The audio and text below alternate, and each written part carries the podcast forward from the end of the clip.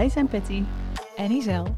In deze fancast bespreken we de race, verdiepen we onze kennis. En geven we speciale aandacht aan de vrouwen in de sport. Welkom bij de F1 Pitcast. Ja, Isel, we waren vorige week in onze voorbeschouwing op Las Vegas niet zo heel enthousiast. Maar eh, wat vond je ervan? Ja, ik vond het echt verrassend leuk. Ik, was, eh, ik dacht echt na de trainingen, dacht ik, wat een shit show. Shit, sorry. Shit, Hij moet weer op explicit, Shit. jongens. shit show, wil ik eigenlijk zeggen. Maar de, ehm, maar de race was echt, eh, ja, er, er gebeurde superveel, veel acties op de baan. Dus eh, nee, ik ben heel eh, positief verrast eigenlijk. Na beschouwing. Welcome to the Temple of Top Speed, Flashing Lights en Bumps. Na het spektakel dat donderdag het weekend aftrapte, werd de gok niet genomen in de eerste vrije training. Nadat Sainz zijn auto aan gort reed door een putdeksel die loskwam, werd voor de veiligheid de training gestopt en werden alle putten gecontroleerd. Midden in de nacht, lokale tijd en zonder fans ging een extra lange tweede training van start. Op het koude circuit was tijdens de kwalificatie de grote uitdaging bandentemperatuur. En dat ondanks dat Pirelli al de zachtste banden mee had genomen. Doordat de baan iedere gereden ronde sneller werd, was het belangrijk je snelle ronde goed te timen. Al in Q1 lukte het de McLaren's niet het perfecte rondje te plaatsen. Tsunoda raakte de auto kwijt op de baan en werd laatste. In Q2 waren Perez en Hamilton de verrassende uitvallers met respectievelijk plek 12 en 11. In Q3 zijn het de Ferraris die de eerste twee plekken veroveren. Max maakte zijn laatste snelle ronde niet meer af, maar door de gridstraf van Sainz die naar plek 12 ging, schoof Max door naar plek 2 en Russell naar plek 3. Ook Stroll ontving een gridstraf. Tijdens de race werden de kaarten telkens opnieuw geschud. Als favoriet kon je terugvallen van de top 5 naar de achterhoede om jezelf twee ronden later weer terug te vinden in de punten. De drie virtual en echte safety cars droegen daaraan bij. De voorspelde rode vlaggen bleven echter uit. Al in de eerste bocht ging Max voorbij aan Leclerc. Daarbij gingen ze wel samen buiten de baan, wat Max een 5 seconden straf opleverde. In het midden- en achterveld maakten zowel Alonso als Sainz een spin en Alonso kreeg daarbij tot twee keer toe Bottas tegen zijn voorvleugel aan. Door de rommel liepen meerdere mensen schade op en kwamen meteen de virtual safety car en de eerste pitstops. In ronde 3 raakte Norris zijn auto kwijt en belandde hard in de muur. Hij werd meegenomen naar het ziekenhuis voor verder onderzoek. Door deze crash kwam de eerste echte safety car de baan op. In ronde 17 raakten Hamilton en Piastri elkaar, wat hen beide een lekke band opleverde. In ronde 25 leek Russell Max niet te zien en stuurde op hem in, waardoor de stukken carbon in het rond vlogen en de safety car weer naar buiten kwam. Russell kreeg hier 5 seconden straf voor. Er werd veel ingehaald. Ocon en Gasly werden opgeroepen te stoppen met tegen elkaar te vechten en hun positie te behouden. Perez, Piastri, Stroll en Ocon wisten hun weg naar voren te vechten vanaf hun slechte kwalificatieposities. Zij wisten uiteindelijk allemaal in de punten te eindigen. Helaas konden de Williams-coureurs hun banden niet genoeg in leven houden om de punten die na hun sterke kwalificatie binnen handbereik leken te verzilveren. Max probeerde Perez te helpen om Leclerc in te halen voor plaats 1 en 2 en riep over de boordradio: Let's work together, we can get him. Dat lukte inderdaad en Max liet het gat naar Checo zo klein mogelijk. Maar Checo kon het tempo helaas niet bijhouden. Hij liet zich voor de tweede keer op hetzelfde punt inhalen door Leclerc, die er met plaats 2 van doorging. Max kreeg weer muziek te horen in zijn victory lap. Dit keer Viva Las Vegas van Elvis Presley, waarmee hij weer vrolijk meezong. Dit keer geen green room, maar een Rolls Royce, waar de coureurs met zijn drieën op de achterbank mochten. Hiermee werden ze naar het Bellagio Hotel gebracht voor de interviews.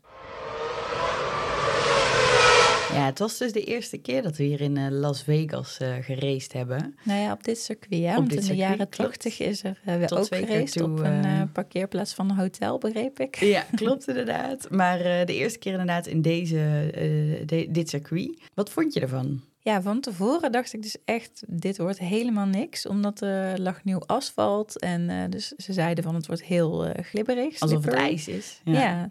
Eh, de, de pit exit lag heel raar in een bocht, waardoor ik echt dacht, oh, daar gaan mensen elkaar niet zien en die gaan echt botsen. nou ja, toen gebeurde dat natuurlijk met die putdeksel. Ehm, ja, ik dacht, dit is heel slecht. Eh, of, nou ja, en ook al met die temperatuur, weet je wel, het zou Mhm. super koud worden. Dus ik dacht, wow, hier is heel slecht over nagedacht of zo.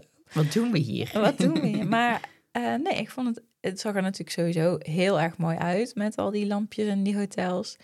En er was gewoon heel veel actie, dus uiteindelijk vond ik het heel leuk. Ja, ik vind het echt verschrikkelijk. Ja, de race ook? Nou, de race viel me inderdaad mee. Dat ben ik helemaal met je eens. Want ik was echt bang. Zeker ook toen in ronde 1 het een beetje leek... oké, Max is eraan voorbij. Hij gaat wegrijden. Dit was het. Nou, er gebeurde echt wel genoeg. Dus het was op zich wel vermakelijk om naar te kijken. Maar ik vind het gewoon zo saai om naar dit soort van die nachtcircuits te kijken... waar je dan... Het lijkt alsof ze allemaal in een tunnel rijden. Dat vind ik ook heel erg bij Jeddah. Dat vind ik ook op Singapore. Het is gewoon, je ziet eigenlijk alleen maar lichten en reclameborden... precies langs de baan. En voor de rest krijg je niks mee van, eh, inderdaad wel van de helikopterbeelden. Dan zie je inderdaad prachtige plaatjes van de stad, zeker. Maar ja, ik weet niet, er, er ligt voor mij helemaal geen link tussen de race zelf en de fans langs de baan. En snap je dat? Ja, Ja, dat klopt. Er had net zo goed geen publiek kunnen zitten, want je Nee. ziet ze gewoon echt niet. Nee, ik heb ze geen klopt. één keer gehoord. Ik heb ze niet gezien, inderdaad. En eh, er werd ook op een gegeven moment door de commentatoren gezegd dat eh, er heel veel geld betaald is, blijkbaar door bepaalde hotels, om vaak in beeld te komen. Ik denk dat de win daar wel tussen zat. want jezus. Vooral tijdens de kwalificatie had ik het idee dat iedere keer als er zeg maar toch best wel wat mensen op de baan waren, dan toch weer even een shot van een hotel. Ik moet dan iedere keer aan Beyoncé denken, Ja. want die heeft zo'n Live at the Wind show. Die heel, eh, Zeer de moeite is. waard om te kijken als Ja. je niet kent. Maar nee, dus nee, ik ben niet per se. eh, Van mij hoeven je vond je eigenlijk niet meer naartoe. Maar goed, dat gaan we toch wel weer doen. Maar Ja, nee, ik had ook van tevoren dus verwacht dat ik het niks zou winnen. Net als eh, Max Verstappen, die eh, de hele, tot, tot aan de race als een, met een gezicht als een oorworm overal nou, op kwam draven. toen hij vanochtend in zijn speciale Elvis Presley racepak in de auto stapte, dacht ik ook wel. Zou hij nou denken, shoot me now? Ja, maar ik denk dus uiteindelijk wel dat hij dan echt eh, Presley-fan is misschien, omdat hij zo eh, meezong. En de muziek inderdaad in de auto kwam.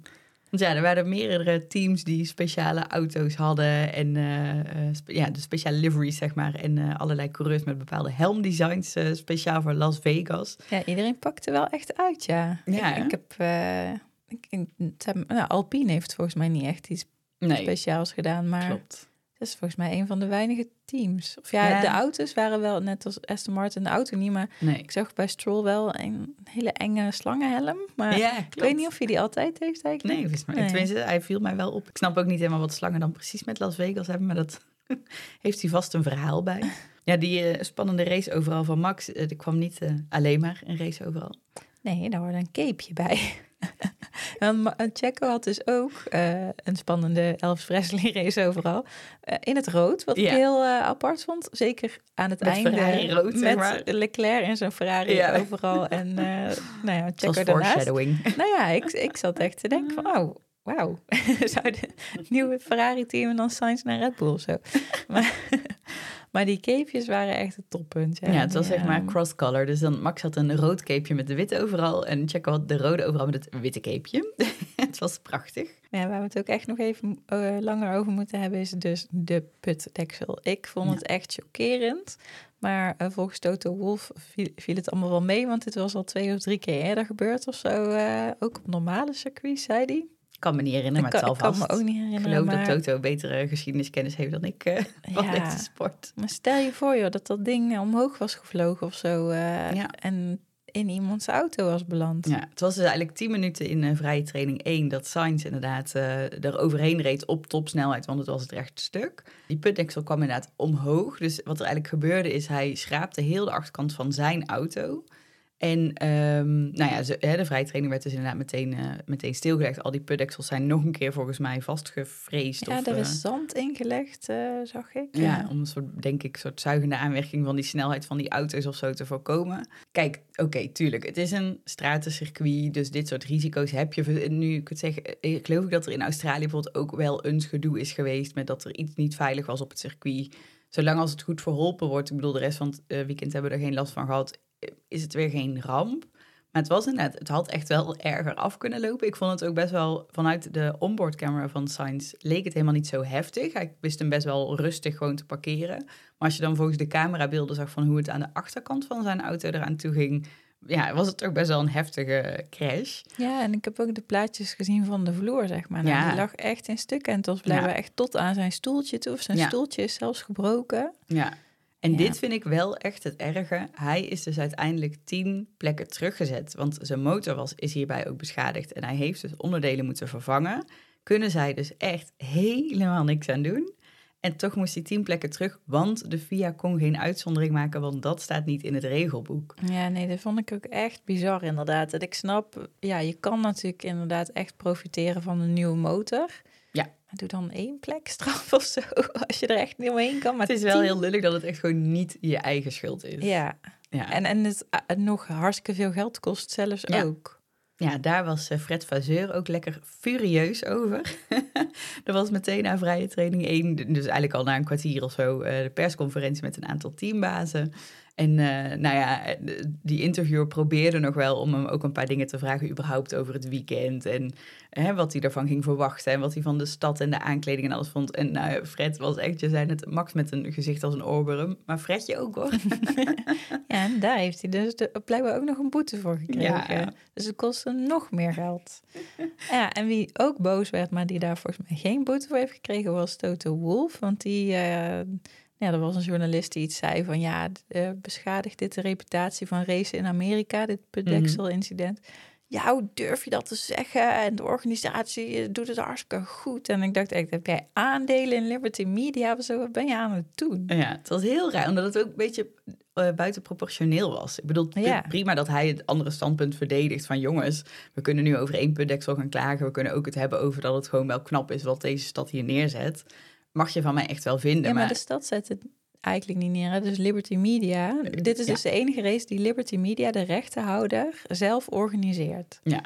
Maar goed, dat mag je van, als Toto Wolff zijn, van mij echt wel vinden. En ook zeggen, maar hij werd er gewoon helemaal kwaad van inderdaad. Ja. Ja het was Want hij had eerst, eerst al tegen Vasseur gezegd dat hij rustig aan moest doen, toch? Ja. En toen kwam die vraag van de journalist, toen flipte hij hem helemaal. Ja, Ik denk echt dat er eh, geldbelang of zo zit. Het lijkt bijna wel, hè? Ja, en ik zat toch wel een beetje te denken, want je gaf het al aan, eh, Max was in de aanloop van het, naar het weekend al niet heel erg positief. Vind jij dat Max gewoon ballen had gehad als hij weg was gebleven? Nee, dat moet je niet doen. Nee, want je, je, bent, nee, je moet gewoon al die races rijden. Ik had het ergens wel een soort mooi statement gevonden. Zo van, Ja, ik ben het hier zo niet mee eens, ik ben hier niet bij.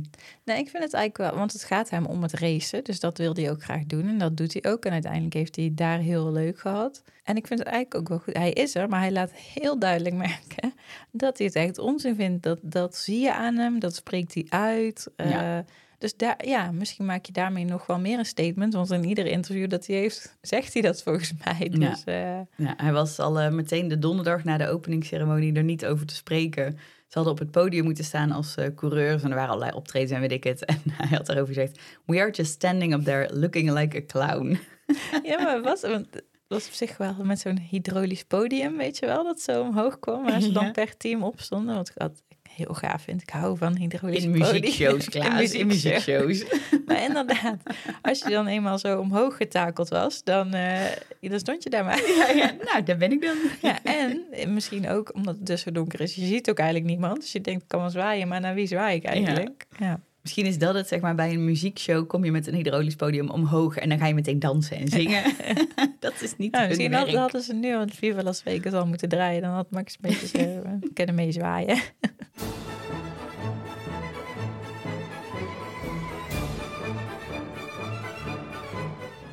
The man with the fighting spirit. Zeker. Charles Leclerc krijgt deze keer van ons de erekans. Ik vond het echt heel erg leuk. Nou ja, sowieso natuurlijk gewoon echt, vond ik oprecht heel knap als Ferrari zijnde. Je bent vrij snel over je putdeksel incident heen. Eh, in de kwalificatie sta je gewoon lekker vooraan met twee auto's. Zeker, ja. Erg goed gedaan. En Leclerc had ook echt pole position. Hij heeft de snelste ronde gereden. En vervolgens, nou oké, het was even zuur voor hem dat Max hem wel in de bocht 1 meteen al eh, passeerde. Maar hij heeft echt het gat niet eh, heel hoog laten oplopen. Nee, en het is ook nou ja, de manier waarop die dus gepasseerd werd, was eigenlijk dus ook een beetje buiten het boekje. Daar heeft Max ook die straf voor gekregen. Dus Kon Leclerc ook niet alles Nee, aan doen. nee. zeg Maar. nee. eh, nee, hij heeft het echt. eh, en inderdaad blijven volhouden en gewoon tot twee keer toe Checo inhalen op hetzelfde punt. En ja, Ja. dat heel slim doen, waardoor je gewoon net voor start-finish nog tweede wordt. Ja. ja, want die laatste keer was gewoon letterlijk de laatste twee bochten van het circuit. Ja, Dat die Perez weer eh, bijhaalde. En, eh, ja, nee, heel netjes gedaan. No, no, Mike, it was so not right. Ja, we vonden hem best moeilijk deze keer. Hè? Er waren niet uitgesproken stomme fouten van coureurs zelf. Maar toch wel het meest lullige momentje was dat van eh Valtteri Bottas meteen bij de start. Voor hem spinde Alonso dus. Eh, die stond dus met de neus de verkeerde kant op. Bottas reed daar tegenaan. Nou Oké, hè, waarschijnlijk kon hij dat ook oprecht niet meer eh, ontwijken. Anders eh, had hij wel heel veel espresso's ochtends moeten nemen om eh, zo alert te zijn. Eh, vervolgens kreeg hij nog een tikje van Perez, waardoor hij nog een keer tegen Alonso aanreed. Maar het vervelende was, hij had best wel goed gekwalificeerd. ja. Hij had de achtste plek eh, in de kwalificatie. En vervolgens is hij door onder andere dit incident ernstig teruggevallen. En eh, nou ja, halverwege de race reed hij op de laatste plek. Dat was toen eh, plek 19, omdat uh, Norris natuurlijk al uitlag. En daar lag hij met, ik geloof, het 20 seconden achterstand. ja op beheerend was het zelfs 35 of Nou zo. ja. Toen net voor, wie, wie viel er toen ook weer uit, waardoor hij opschoof? Hulkenberg? Nou, hij, hij had Hm. echt inderdaad als laatste 35 achterstand op diegene die voor hem reed eigenlijk. Ja. Ja, dat klopt. Hulkenberg ging inderdaad naast de baan. En dan zie je zo iemand in de, het, het linker rijtje, zeg maar, waar alle coureurs op volgorde staan, wegzakken. Ja, En inderdaad, toen duurde het heel erg lang totdat hij bij Bottas kwam. ja inderdaad. Zo, het ja. was zo zak, zak, zak, zak, zak. En toen was hij 18 en toen was het zo een half, een halve minuut later. Ja. Ja, nee, dus eh, ja. ja, terwijl heel veel mensen dus wel het lukt om van achter weer naar voren te komen en opnieuw als dat nodig was. En, Ja. eh, en hem dus niet. Nee. Eh, ja. Maar cliffhanger, Bottas krijgt daar ook nog een spannend plekje bij de F1 Media. F1 voor dummies. Ja, we gaan het hebben over de Installation Lab en de Formation Lab. Tijdens de Installation Lab voeren de coureurs en hun teams een checklist uit van checks op de mechanische en elektrische systemen en de aerodynamiek. Mechanische checks doen ze voor de remmen, de ophanging, de brandstofsystemen en de versnellingen. En bij de elektrische checks kijken ze of alle schakelaars goed functioneren en alle bedrading in orde is. En bij de aerodynamische check kijken ze naar de luchtstroom rond de auto en of er problemen zijn met de luchtweerstand of de downforce.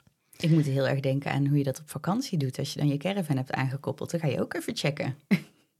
Toch? Doen je knipperlichten het. Ga je met dan luchtstroom rondom de checken? Oké, niet heel deze checklist. Nee, dus Sommige campera's hebben dat wel. Heb ik mijn luifel in? Heb ik mijn dingetje? Nou, dit rondje doen ze 30 minuten voor de start van de race. Dan gaat het stoplicht in de pitstraat op groen. En dan eh, beginnen ze dus aan deze installation lab. En daarna nemen ze hun positie in op de grid. Eh, je mag zoveel installation labs rijden als je wil.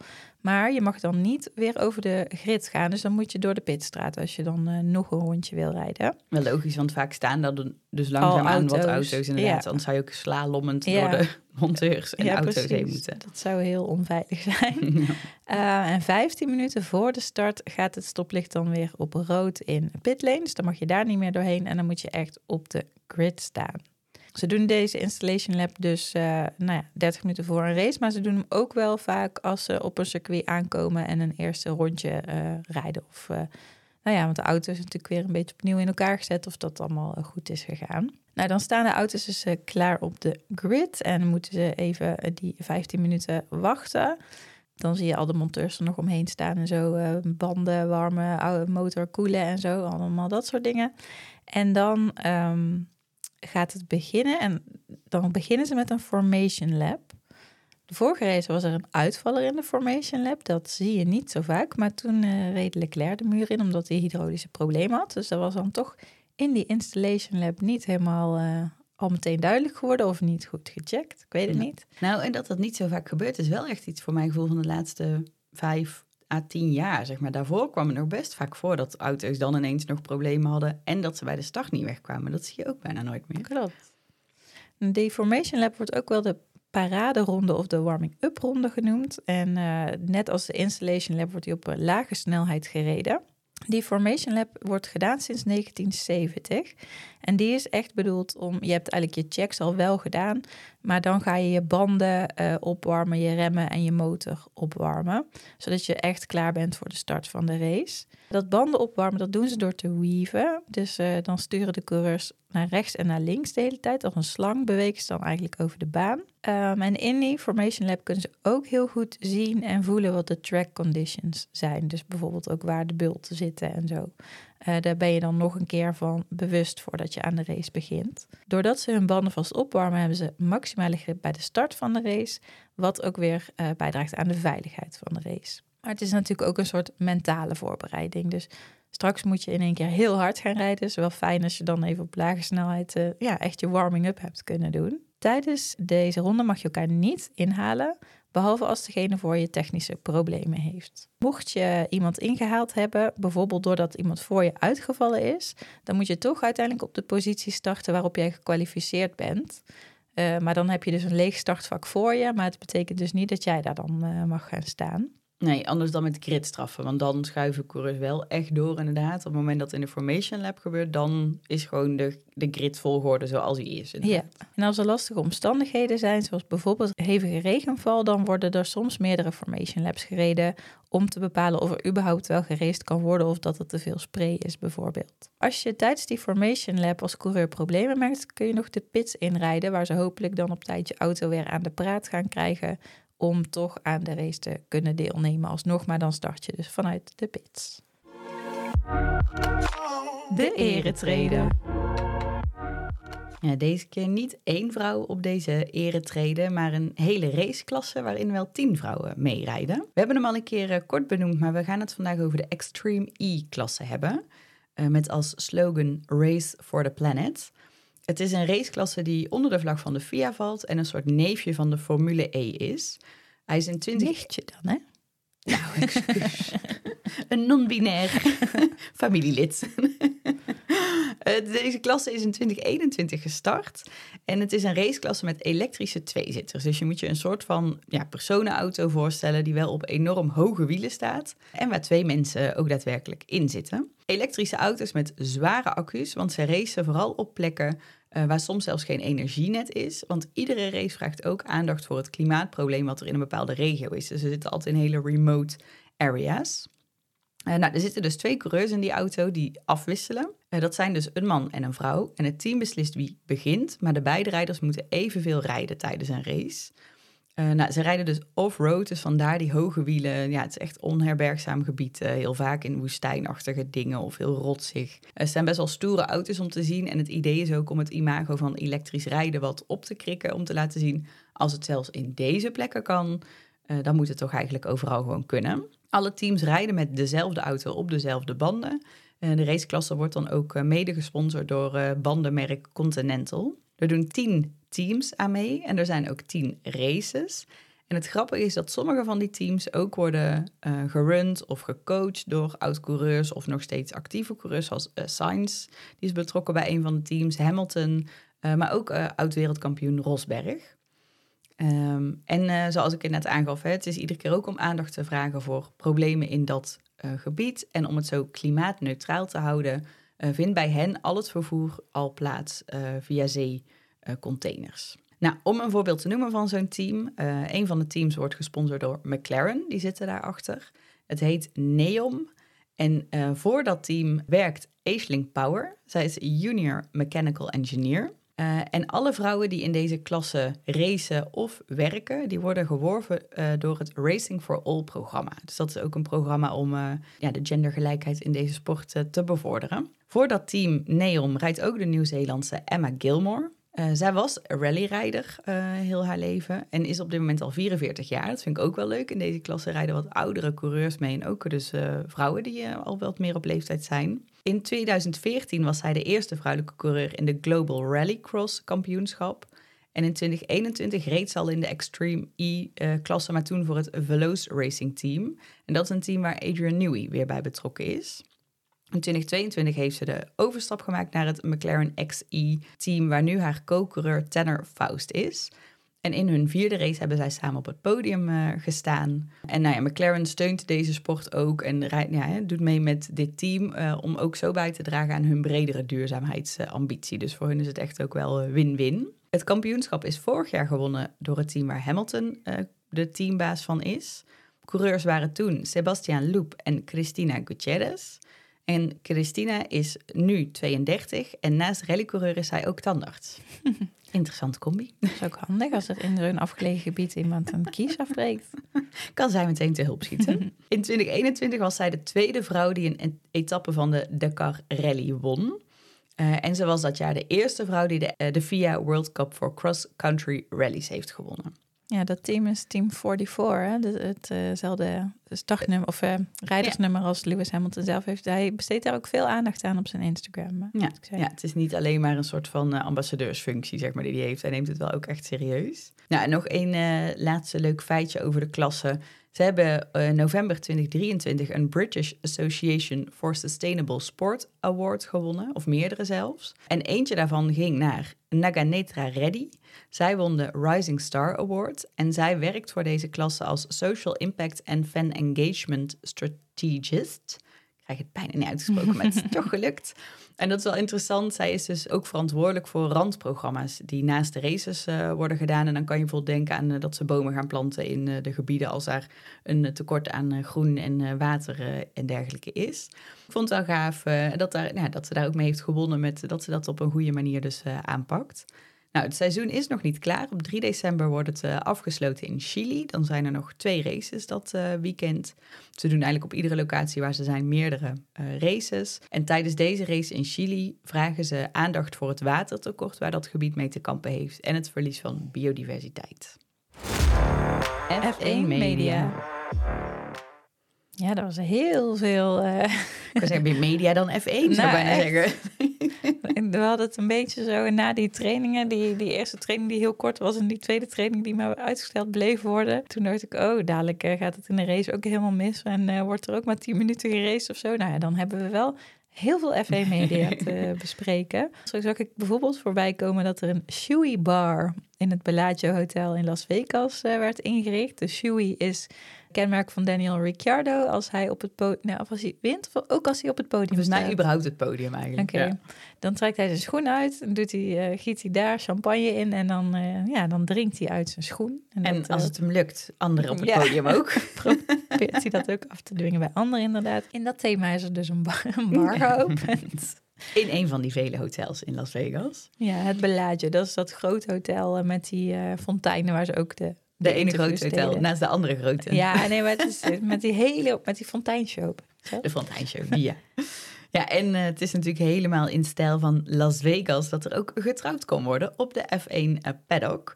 Daar was een wedding chapel gemaakt. En nou ja, je kent het wel, in Las Vegas mag je gewoon trouwen. Zonder volgens mij ook maar iets ervoor te regelen van Volgens mij ook als je dronken bent. Ja. En, Tijdens het zetten van een tattoo mag daar allemaal. Maar dit weekend is oud eh, wereldkampioen Jacques Villeneuve daar getrouwd. ja, heel apart. Waarom? Als Ja. in het is spektakel. Dus ik vind hem wel zo'n aandachtzoeker die daaraan ja, meedoet. dat is waar. Hij was altijd al wel zo'n typetje, inderdaad. Ja. Ja, zo'n mediabaasje. Maar je kreeg, ze draaiden dus eh, ook eh, Daar komt de bruid, maar ook het Formule 1 eh Ja. teamsong. Ah. Ja, dan heeft eh, Bottas een naaktkalender uitgebracht met de hele leuke naam Botass. Juicy news. Waarop je dus heel veel de blote billen van een Bottas ziet. Vaak in combinatie met natuurwater, geloof ik. Het is een Finne. En de aanleiding was een, een foto die zijn eh, vriendin Stephanie Cromwell een keer van hem gemaakt had. Dat hij inderdaad in zo'n eh, plasje water eh, lag ergens met zijn billen omhoog. En die heeft hij ook gewoon op Instagram gedeeld of zij. En nou ja, dat was een dingetje geworden. Maar nou ja, nu hebben ze dus een hele kalender van gemaakt. En eh, die wordt verkocht vanwege Movember. En eh, dat is de maand waarin eh, onderzoek naar teelbalkanker gepromoot wordt eigenlijk. En met de kalender heeft hij al 50.000 euro dollar opgehaald. En het doel is om 100.000 dollar op te halen. En niet alle opbrengsten van de kalender gaan naar dit doel, maar een, een deel ervan. Nou, en over eh, oudere mannen gesproken. Bottas eh, valt nog niet in deze categorie, maar eh, de Rolling Stones zijn weer actief. Ze hebben een nieuw album uitgebracht en daar vragen ze op allerlei manieren aandacht voor. En onder andere doordat zij partner zijn geworden van Aston Martin. Wat inhield dat zij op de auto met de, de rode lippen met uitstekende tong het logo van de Rolling Stones hebben geraced. En nou, dat was goed te zien als je de, de onboard cameras van Stroll en Alonso zag. Dan eh, het stak wel goed af tegen het groen van de Aston Martin. Ja, ik vind het wel een leuke manier van marketing doen voor je Ja. nieuwe album eigenlijk. Het is heel slim, bedacht. Ja. Ja. ik vind het alleen een beetje too much, omdat ze ook al bij FC Barcelona in het publiek zaten. En eh, de voetbalclub met het logo op hun shirt ook heeft gespeeld. Ik denk, oké, leuke manier van marketing, maar het kan ook een beetje too much zijn. Nee, ik vind het gewoon vooral heel slim. het is natuurlijk wel, dit is dan meer de Amerikaanse markt. Dat was misschien meer voor Europa. Benieuwd wat ze in eh, Azië gaan doen. Dan heeft Netflix weer iets bedacht met de coureurs. Naast Drive to Survive is er nu ook eh, de Netflix Cup, waarin vier teams van eh, duo's van een profgolfer en een coureur eh, dus eh, om de Netflix Cup gingen strijden. En dat, eh, de coureurs waren Sainz, Albon, Norris en Gasly. Sainz heeft gewonnen met zijn partner en heeft de beker laten vallen Nee! op het podium. Dus Het is ook een rode draad dit seizoen, hè? Ja, dus er was weer een beker die kapot is gevallen. Ik heb het niet gekeken trouwens. Ik heb alleen dit beeld gezien van de... Want golfen interesseert me dan weer helemaal niks. Helemaal niks, echt nee. Nou, dan gaan we langzaam een klein beetje weg van eh, het circuit eh, Las Vegas en wat er allemaal omheen gebeurde.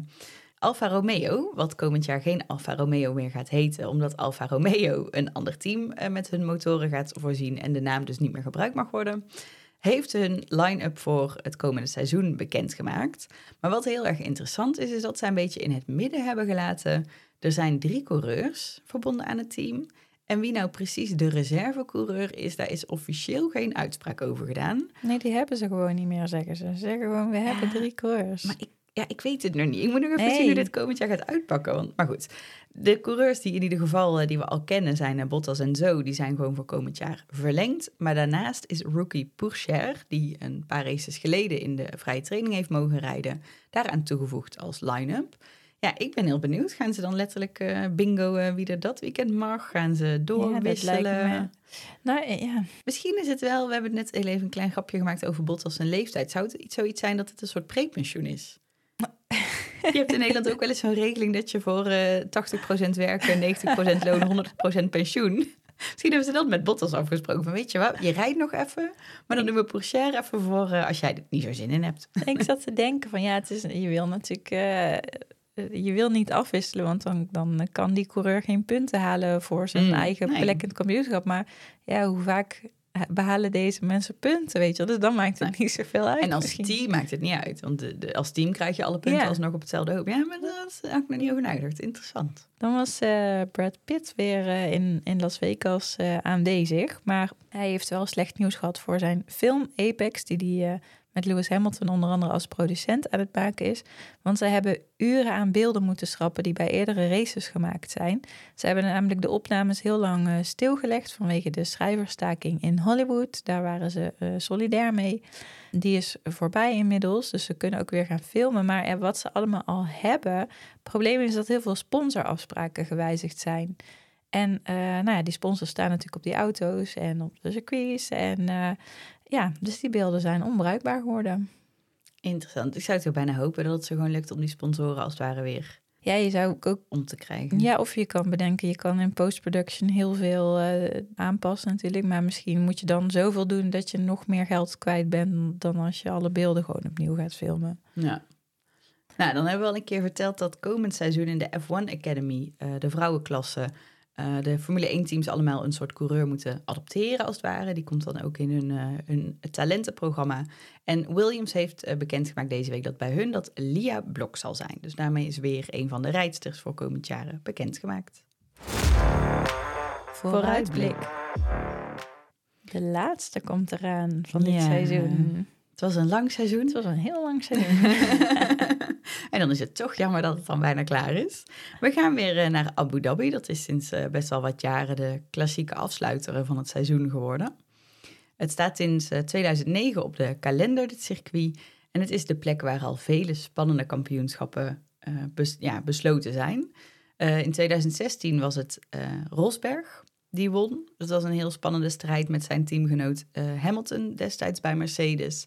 Eh, en dat is het enige jaar waarin het Rosberg gelukt is om eh, Hamilton te verslaan. En daarna is Rosberg meteen gestopt. Dus Ja, wie weet was gelijk. het eh, anders wel vaker gelukt. Maar Ja. misschien ook niet.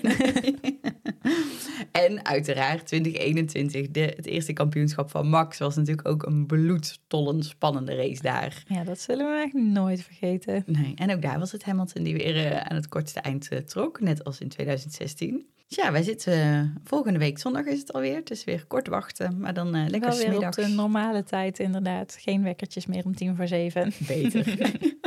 Tot dan. Tot dan.